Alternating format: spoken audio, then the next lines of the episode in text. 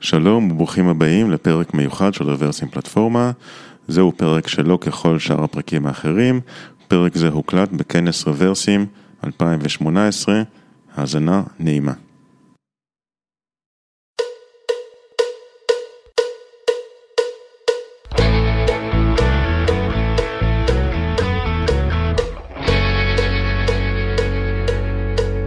טוב, וואו, יש פה המון המון המון אנשים, אה, מה שגורם לי קצת להילחץ, אבל יהיה מגניב. אז אה, שלום לכולם, תודה שנשארתם בשביל הבירות. אה, קוראים לי אורן, אלן בוגן, שם קצר, בטוח שתזכרו. אני אשמח, דרך אגב, זה בכוונה פה עם השטרודל של טוויטר, אני אשמח אם יש לכם פידבק, רעיונות, מחשבות, הצעות לשיפורים, אני אשמח אם תציעו. אז יאללה, קצר, 30 דקות בבירור. אוקיי, הבחור הזה, יש לו ראש, ראש מיוחד, קצת כמו שלי, ביצתי קצת. אה, מרק אנדריסן הוא אחד המשקיעים הכי מפורסמים בעולם, אה, אנדריסן הורוביץ, הבחור צ'יק שהיה, אה, עשה את ה browser הראשון, את מוזאיק, חלק מנטסקייפ, אמר משפט מאוד נחמד בעיניי, חלקכם אולי בטח מכירים אותו. מה שיצר המשפט הזה, אם הייתם שימים לב, אולי עכשיו אנחנו ב-2018, אבל המשפט הזה, קצת אני חושב capturing well את מה שקורה בעולם. כלומר, תוכנה הופך להיות משהו שיותר ויותר ויותר אנשים נחשפים אליו, נמצא ביותר ויותר מכשירים מוזרים, שפעם לא בהם תוכנה, למשל מקרר, אה, דברים מהסוג הזה. מה שיצר, בעיניי, משהו חדש בעולם. יצר אינסנטיב, בגלל שיש יותר אנשי תוכנה בעולם, יותר אנשים כמונו, אה, ולא משנה באיזה תפקיד אתם בדיוק בארגון, יצר הרבה יותר אנשים שיש להם, אשכרה משלמים להם כסף, כדי ללמוד, וללכת לכנסים כמו שאתם נמצאים בהם עכשיו, אה, ולקרוא ספרים, ולהתעניין, ולחשוב. אה, ויש ממש אינסנטיב ברמת הכלכלה, שאנשים יעשו את זה למחייתם. זה לא צריך להיות כמו פעם, שרק אם היית באיזה, היית פילוסוף והיית ככה מתעסק, ב, מתעסק ב, בפילוסופיה בחייך לקריירה, וגם אם אתה, אין לך מזה כסף, אה, זה הייתה האהבה שלך וזה שהיית, מה שהיית עושה. היום אנחנו בונים דברים מקבלים הרבה מאוד כסף באופן יחסי לאוכלוסייה שבה אנחנו נמצאים, אה, וזה בעיניי משהו שהוא מאוד נחמד ומאוד שונה בשנים האחרונות. אז למה אתם פה? למה אני פה? אה, נראה לי שהיה נחמד בעולם הזה, אני חושב שאנחנו מאוד מתאימים לזה שמה זה בעצם אה, Hyper Growth Humans, איך שאני מגדיר את זה? זה אנשים שכל הזמן שואלים את השאלה הזאת של אני רוצה להשתפר ב-X, אני רוצה להכיר קוברנטיס, אני רוצה להיות מנהל יותר טוב, אני רוצה להיות מפתח יותר טוב בתור Data Engineer. אה, בא לי טיפה יותר טוב להכיר את, אה, לא יודע, איזה כלי מסוים או פרקטיקה מסוימת. הרבה יותר אנשים שואלים את השאלה הזאת כל הזמן. הולכים לחברים שלהם, מספרים להם את השאלה הזאת, מתייעצים איתם, מה קראתם, איפה שמעתם, איזה הרצאות ראיתם וכולי. זה דבר שאם תחשבו עליו לפני 20-30 שנה היה קורה, אבל היה קורה בחוגים נורא קטנים באופן יחסי אה, לאוכלוסייה. אבל, עם כל זה, קרה גם משהו אחר בעולם, שאם לפני 20 שנה בקושי אינטרנט וכולי, אז היום כבר יש יותר מדי תוכן, כן, הפומו, כזה fear of missing out. אה, אז יש כל כך הרבה תוכן, כל כך הרבה מאמרים, כל כך הרבה דברים שהם רוצים לקרוא ולא מספיקים להגיע, ואולי אם הייתם קוראים את הספר הזה אז הכל היה אחרת, ואולי אם הייתם קוראים את הפוסט אה, אה, הזה אז הכל היה נראה אחרת. ויש איזו מין תחושה מאוד גדולה של יש מלא תוכן, איך אני מספיק לקרוא משהו בכלל. תודה רבה. ומה שבעיניי היה מעניין, ורציתי לשתף יחד איתכם, זה אחד, אחד הקשיים המעניינים שקורים, אני חושב, בהינתן כל כך הרבה תוכן שזמין לכל כך הרבה אנשים, איך לומדים? Okay, אוקיי? כלומר, איך ניגשים בכלל לנושא של למידה עצמית, או איך משתפרים בתור אנשי מקצוע, אה, בצורה שהיא טיפה יותר אה, יעילה, נקרא לזה, כי התוכן נמצא בכל מקום. אז בתקווה אם אתם תהיו כאן, אני אשמח לשתף כמה מהדברים שאני למדתי ב, ב, בשנים האחרונות, ואני מקווה שזה יהיה מספיק פרגמטי כדי שתיקחו מזה משהו הביתה ותשחקו עם זה. אמ, אז השם שלי זה אורן, כמו שאמרתי, אני היום מנהל את הפיתוח בחברה בשם פורטר, אמ, ואני בא לפה כי יש לי איזה מין גם שלושה תחביבים. אה, הראשון מביניהם, Software Weekly, שראיתי לפחות בן אדם אחד עם החולצה, ייי. אה, אז, אה, אז כן, זה משהו שאני, מין כזה אימייל שאני שולח כל יום שישי בחינם לגמרי, עם השבעה פוסטים שאני הכי אהבתי לקרוא סביב ניהול, הובלה של אה, דברים גדולים בחברה.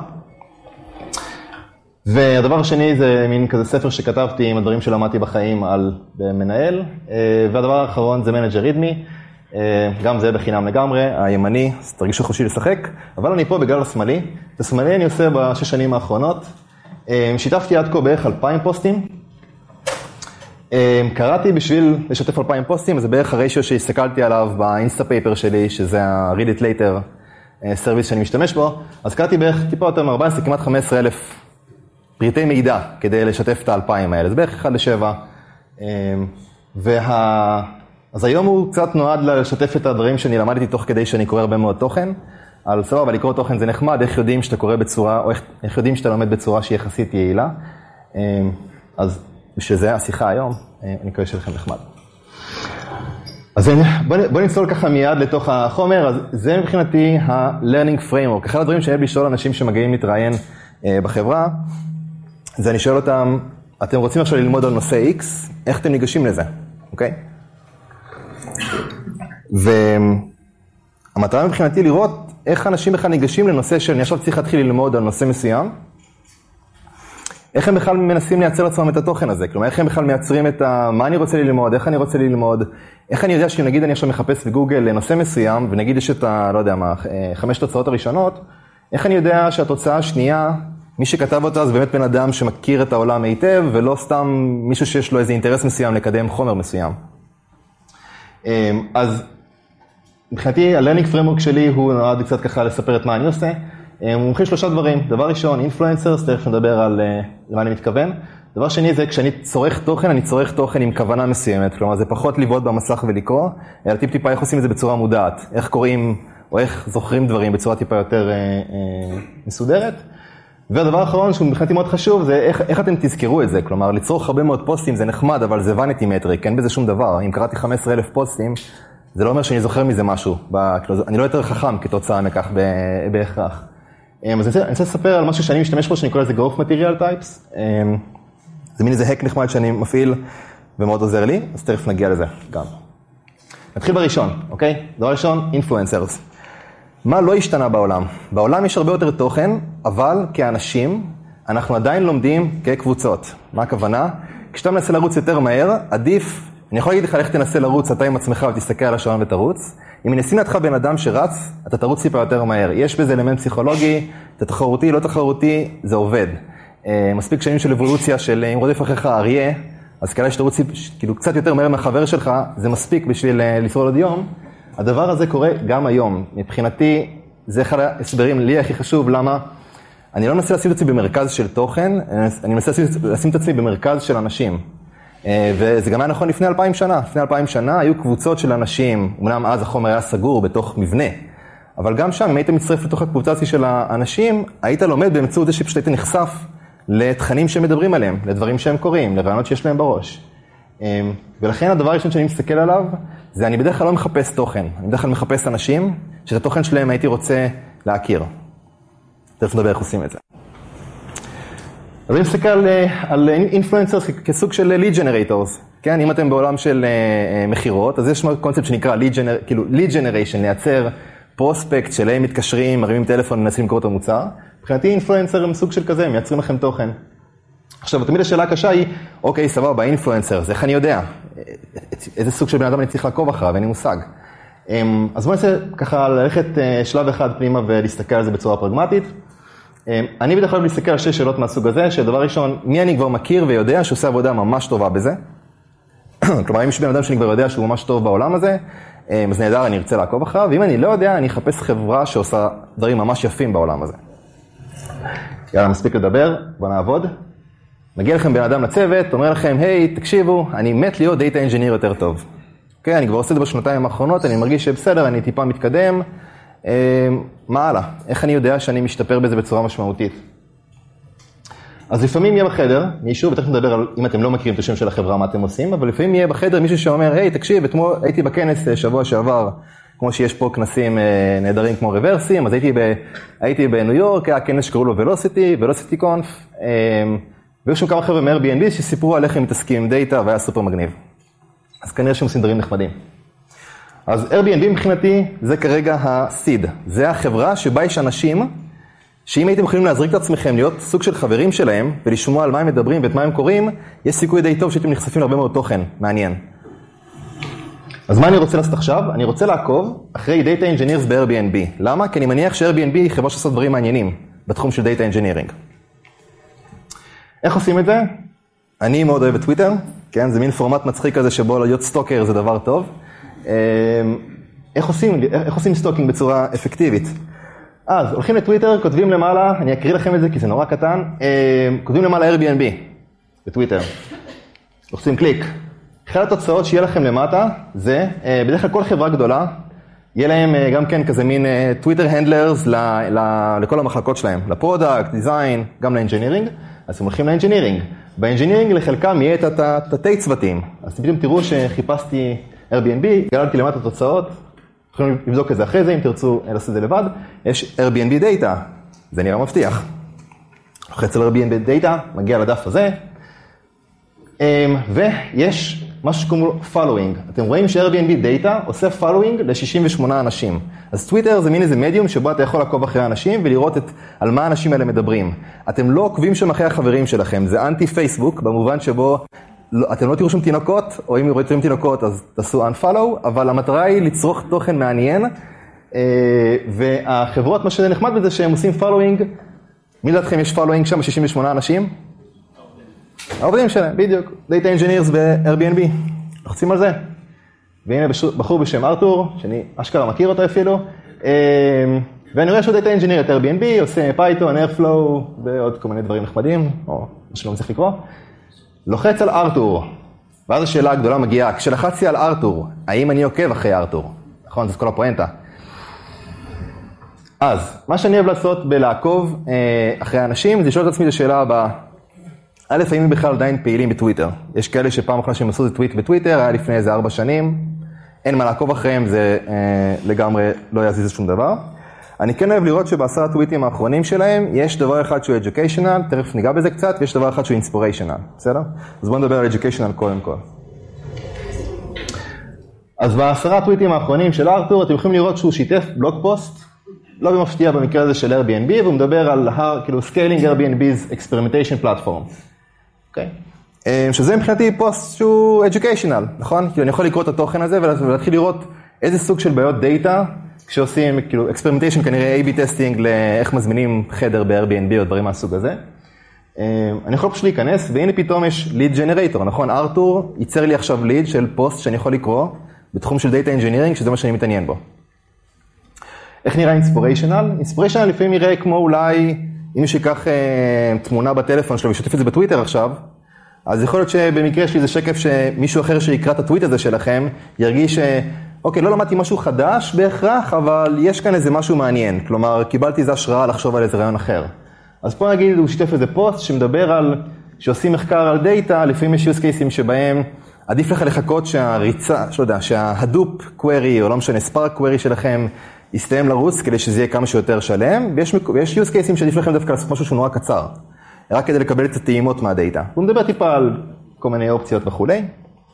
אמ, אז, אז מבחינתי, כאילו צרכתי את זה, זה רק נתן לי רעיון. אוקיי, מעניין, נגיד האם בפורטר, בחברה שבה אני עובד, אנחנו נותנים כלים גם לעשות queries שהוא נורא נורא מהיר, אבל הוא כנראה מאוד שטחי, וגם queries שהם נורא איטיים, אבל הם עדיין, כש, כשאחרי החמש שעות ריצה, אני אקבל את זה בצורה מאוד ברורה, את מה התוצאות של הריצה הזאת. אם כך, אני אכן עוקב אחרי ארתור. אמ, והשאלה הבאה שאחרי שעוקבים אחרי אנשים היא, אוקיי, סבבה, הבאת דוגמה, היא קצת מפגרת, למה? כי אמרת כבר את הסוד, אמרת Airbnb. איך אני יודע מה התשובה אם אני לא מכיר חברה כזאת עכשיו, נכון?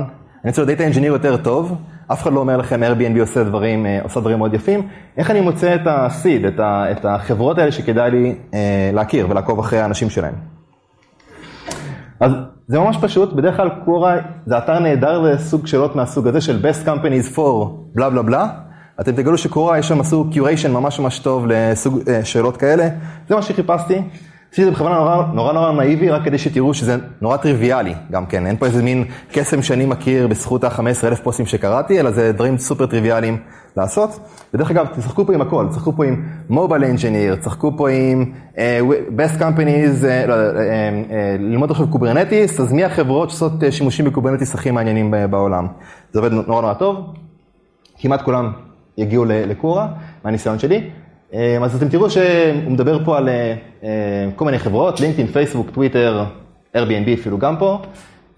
וטיפ נחמד שהוא נתן לי, שלא חשבתי עליו לפני, הוא אומר, שמע, אני עוקב אחרי חברות שמגייסות מ-Insight Data Science Followers Program, שלא כך הכרתי את זה לפני, כי אני לא גר בארצות הברית, אבל זה נתן לי פתאום עוד רעיון לאיך לייצר לידים לאנשים כאלה, כן, אם יש אנשים שאומרים שהם אה, אה, אה, למדו שם, אז זה יכול להיות אה, נחמד.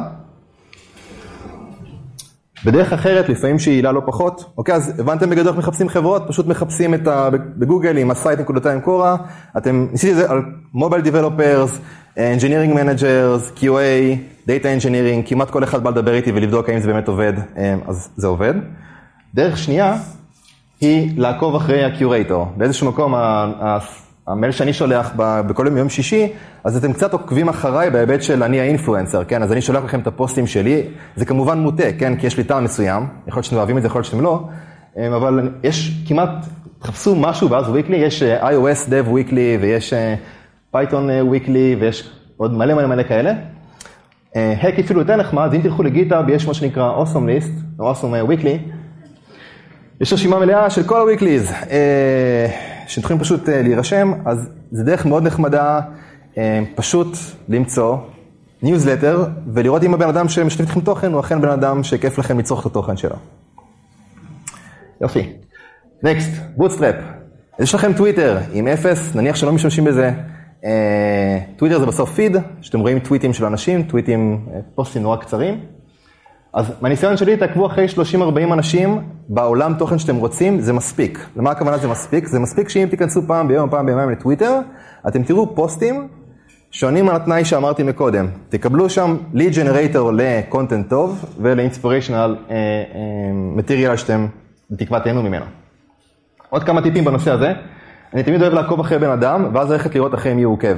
כי אם אני עוקב, אם אני עוקב אחרי מישהו, יש סיכוי טוב שכבר את הטעם שלו אני אוהב, ואז יכול להיות שאם הוא עוקב אחרי אנשים אחרים, יש, יש מצב שאני גם כן אה, אחשף לאנשים אחרים שהם נורא מעניינים. מעניינים.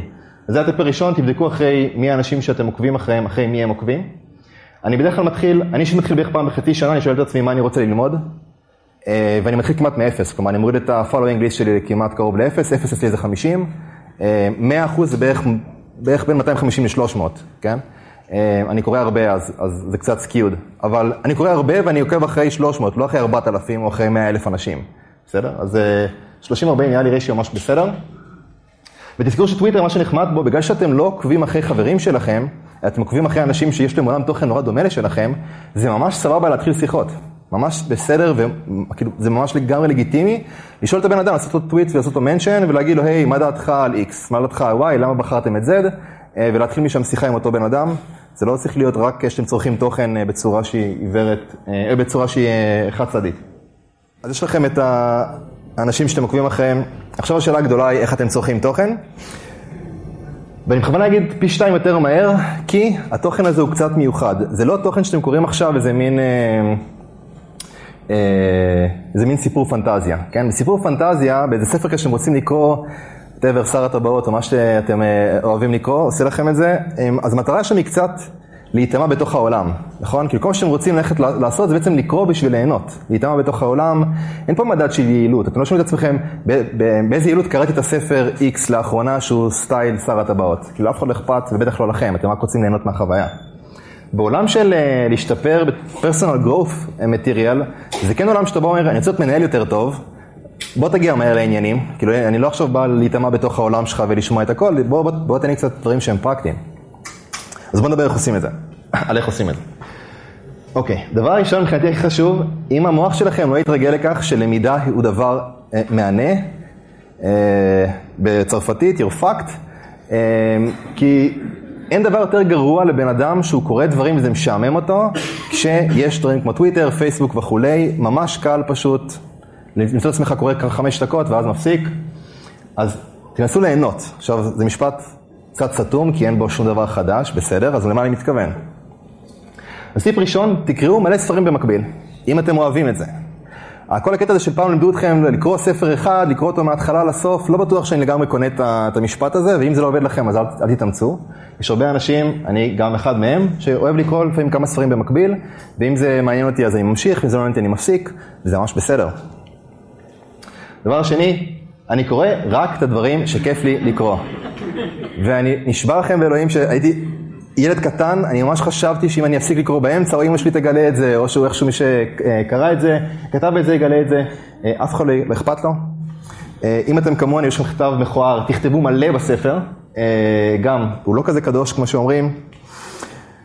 ודבר אחרון מוזר מאוד, תקראו בכל מיני מקומות בפרק, תקראו בסוף, תקראו באמצע, כאילו אף אחד לא אכפת, אף אחד לא מת, זה לא סיפור, זה יותר, אתם מנסים לשים איזה תוכן מעניין בשבילכם, אז תקראו איך שבא לכם, שיהיה לכם כיף, זה הכל. נקסט, white noise. כשאתם קוראים תוכן שהוא יחסית טכני, יש בו מלא רעש. למה הכוונה במלא רעש? זה שיש את הפסקה הראשונה, שמה זה Airbnb? והפסקה השנייה זה, אנחנו ב-Airbnb מונים 800 אנשים. ופסקה שלישית, ו... או, פסקה שישית, סוף כל סוף. תוכן ראוי, שבעצם בשביל זה לחצתי על הקליק, ובגלל זה הקלקתי על, על הפוסט הזה.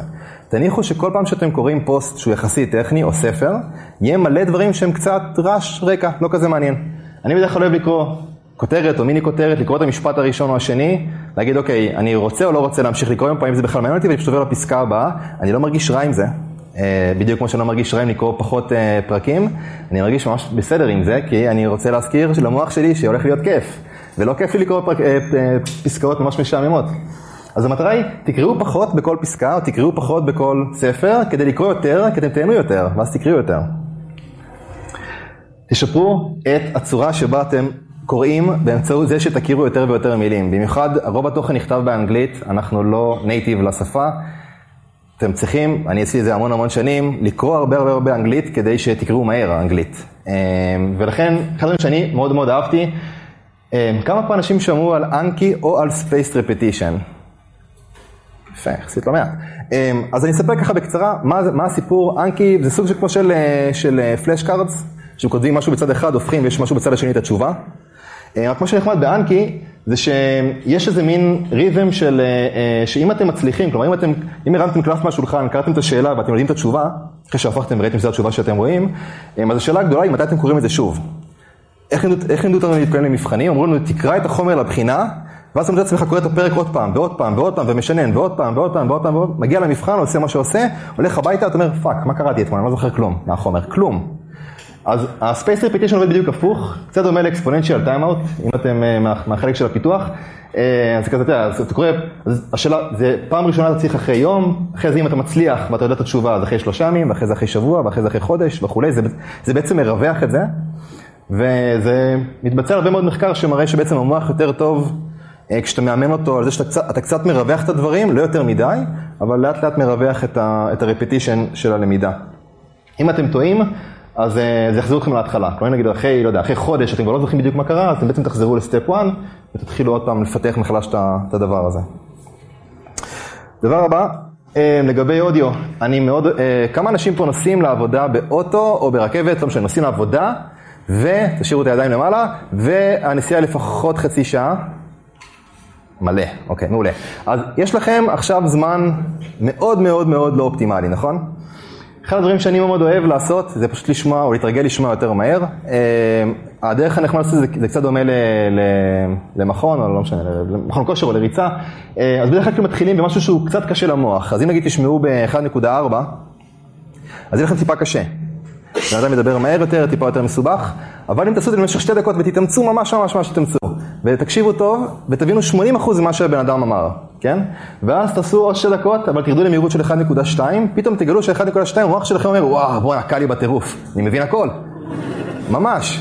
ואז הוא כזה, רגע, אבל מה קרה פה? עכשיו, הרווחתם 20%, נכון? כאילו, זה היה מהירות 1, 1.2, והמוח שלכם אומר, זה ממש ממש קל. אז אתם אוקיי, מוח מוזר, בואו נעשה את זה על 1.6. אה, וזה עובד נהדר, כלומר, אני פשוט גרמתי להרבה חברים, ובטח לי אישית, אה, לעשות את זה, אז רוב החברים שלי היום, זה בערך הטווחים האלה, שבין 1.8 ל-2.5, אז כבר השפה הופכת, ב-2.5 זה הופך להיות ממש משהו מחורבש להפליא, אבל Overcast אה, תומך בזה, I dare you. או-אה, הרגתי אתכם עם המהירות, אה? אוקיי. טוב, יפה. דבר אחרון. יופי, אז יש לכם מלא מלא תוכן, מלא תוכן. אמ, אתם למדתם קצת טקטיקות לאיך לקרוא טיפה יותר מהר ולזכור שלא חשוב לקרוא הרבה, חשוב לקרוא נכון, אוקיי? אז לא צריך לקרוא את הכל, בהכרח. הדבר האחרון זה, אוקיי, אז איך אני זוכר דברים? יאי, חמש דקות. קדימה. אה, כן, אז אני רוצה לשתף אתכם משהו ש... לשתף איתכם משהו שהיה נחמד לי להשתמש בו. כשאני קורא תוכן, אני אוהב לחלק תוכן לשלושה בקטים שיש לי רק בראש. שאני קורא להם, הבקט הראשון זה, אני הולך ללמוד פרספקטיבה חדשה על העולם. בקט השני, אני הולך ללמוד איזה טקטיקה נחמדה, משהו נורא פרקטי. אמ, הדבר השלישי, זה אני הולך ללמוד איך להגיד משהו שאני אומר בשתי דקות ובן אדם אחר אומר במשפט. כלומר, מישהו אחר הצליח להגיד את הדבר המורכב הזה שיש לי בראש, פשוט אמר את זה בארבע-חמש מילים, ובום, זה אומר, fuck, זה בדיוק לזה התכוונתי. לזה אני קורא framing. דוגמאות, New Perspective, אז לא יודע כמה מכם שמע על המושג של Chaos Engineering או Resilient Engineering, אמ, קצת לאט לאט תופס תאוצה בעולם. וזה נחמד, כי בעצם כל האג'נדה היא, בוא נשבור דברים בכוונה. Chaos Day, זה כאוס, כאילו אם אתם קצת מכירים את, אה, את נטפליקס, אה, יש להם את כל ה-Chaos Monkey והדברים מהסוג הזה. אז כאילו כל, כל האג'נדה של בוא נשבור דברים בכוונה על בסיס קבוע, אה, ואז אולי נבנה מערכת טיפה יותר, יותר robust בזכות זה. מבחינתי הפרספקטיבה חדשה לעולם, חדשה לעולם. כשקראתי את זה בפעמים הראשונות אמרתי fuck, זה ממש, ממש מגניב, רעיון ממש נחמד. אז זה פרספקטיבה חדשה. pragmatic tactics, your next Stack Overflow visit, נכון?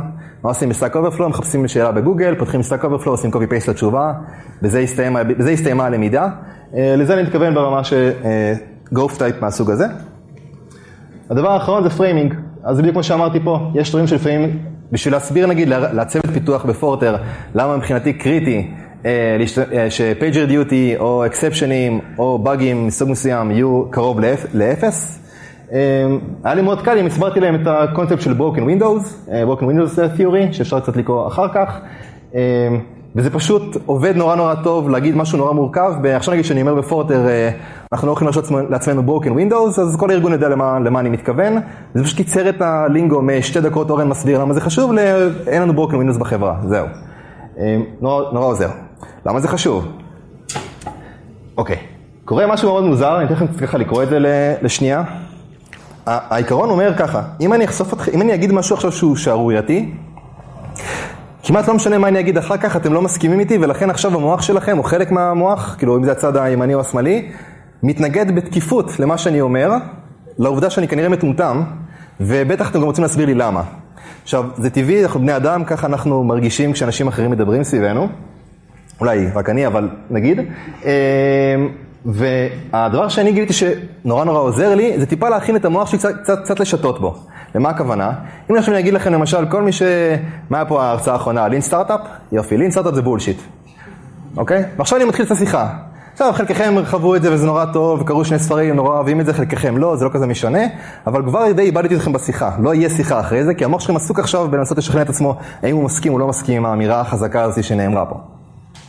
אז כדי להתמודד עם הדבר הזה, יש טריק נחמד של, זה לא באמת הפתעה, אם אמרתי למוח שלי שזה הולך להיות הפתעה. נכון שזאת הולכת, הולכת להיות הפתעה. למה הכוונה? Airbnb, מישהו שמע על הדבר הזה? ש-Airbnb החליטו שהם יורדים מ-React Native? מישהו? כן, קצת? יופי, אחלה. אז יש כזה פוסט, והפוסט הזה נמצא בטוויט פיד שלכם. אה, ווואלה, בא לי ללחוץ עליו, כן? כי, כי זה, תראו איזה clickbait זה, כן? כאילו, React Native זה נורא נורא חם, Airbnb זה חברה גדולה ודי מצליחה. החליטו להיפרד מהפרויקט הזה, מעניין מה קרה שם. עכשיו, כשאני מסתכל שנייה על, אוקיי, growth types, האם אני הולך ללמוד כנראה בדבר הזה pragmatic אה, טיפ? כנראה שלא, נכון? אין פה שום דבר שהוא כנראה פרקטי. אז מה כנראה יהיה פה? יהיה פה או סוג של framing, יכול להיות קצת framing, נכון? או, או, או new perspective, מה הכוונה ב-new perspective? יכול להיות שלמשל אני שואל את עצמי, למה ש-Airbnb אז אה, יזנחו את הפרויקט? יכול להיות שהם נהיו גדולים מדי, וזה כבר לא יעיל, כל מיני דברים ששוברים את זה. יכול להיות שזה פשוט לא מספיק אה, יעיל מבחינת ביצועים. יכול להיות שיש להם, לא יודע מה, עכשיו אפליקציה מורכבת מדי, יותר מדי פיצ'רים וכולי, ו-React Native לא נבדק לעומק הזה. אה, אז אני מנסה לעשות כל מיני תרחישים בראש, לפני שאני קורא את הפוסט. כשאני הולך לקרוא את הפוסט, מה אני הולך לקרוא שם? אוקיי, אלה התרחישים, מעולה. ואז אני קורא את הפוסט. למה זה עוזר? כי המוח שלכם, כשהוא עכשיו לחוות את החוויה של הגענו לאלף אנשים ולכן זה כבר לא עובד לנו כל כך, אז הוא אומר, אה, ידעתי שזה כבר הולך לקרות, נכון? עכשיו בוא נשאר, עכשיו בוא נשאר עם ראש פתוח ונשאל למה זה, למה זה קרה להם. בניגוד למצב שבו אם הייתם קוראים את זה בפעם הראשונה שהגענו לאלף אנשים, אתה אומר כזה, מה זה השטויות האלה? אני מכיר שפייסבוק יש להם עשרים אלף אנשים, ולהם זה עובד טוב, יש לי חבר שעובד שם ודיברתי איתו אתמול וזה מדהים. ואז כזה, אוקיי, זה לא הפוסט, כן? אה, אז נורא נורא עוזר. אמ, אני אוהב ממש להתווכח, אחרי שאני קורא את הפוסט, אני מתווכח עם הבן אדם שכתב את זה, בראש שלי כמובן, הוא נמצא לידי, זה מאוד מוזר. אה, ואני בעיקר אוהב להתווכח עם הדעות שלי לגבי זה. אני אוהב להתווכח עם. מה לדעתי היה פה אמת, fact, משהו שהוא אמיתי, שאי אפשר להתווכח עליו, ומה פה היה תרגום. כלומר, כך זה הדעה של בן אדם, ולא בהכרח זה הדבר הנכון. זה תרגיל מאוד נחמד. ואז אני אוהב לקחת טייק אווי. טייק אווי זה לא לסכם. כשקראתי פוסט על Airbnb, החליטו לזנוח את React Native, אני לא מסכם את זה ושולח את זה לצוות. אלא אני אומר, מה ה-Takeaway שלי? מה דבר אחד שקריטי לי שיקחו מתוך הדבר הזה? אה, ואת זה אני בדרך כלל אוהב לשתף במילים שהצוות שלי יבין. זה אומר שברגע שאני משתף את זה עם הצוות, יש פה שני דברים נחמדים. אחד, יש פיר פרשר, לדבר בשפה שהרבה אנשים יבינו. אה, שתיים, יש פיר פרשר לפחות עליי, לייצר ערך. כלומר, יהיה רע מאוד אם אני אשלח משהו לצוות שלי, לא אוסיף שום דבר מעניין לתוך זה, והם יגידו, טוב, הוא שיתף את זה, אבל כאילו, הוא לא יוסיף שום דבר מעניין לדבר כזה. אמ, אני מאוד אוהב להשתמש באנקי, אם אני מרגיש שזה מספיק חשוב לי. כלומר, אם אני רוצה לזכור את הדבר הזה לטווח ארוך, ויש לא מעט דברים כאלה, אז אני בדרך כלל אוסיף את זה לתוך אנקי, אם אתם משתמשים באייפון, אני אתן לכם המלצות נהדרות, דברו איתי אחר כך. אה, ועם זה, אני אסיים, אה, ואגיד, או אבקש, אה, שאם יש לכם שאלות, מחשבות, טיפים, רעיונות, תשתפו, איתכם, תשתפו איתי את מה שאתם עושים, כי אני אוהב את העולם הזה. דברו איתי אחר כך, דברו איתי בטוויטר, או במייל שלי, אורן.פורטר.קום. תודה רבה.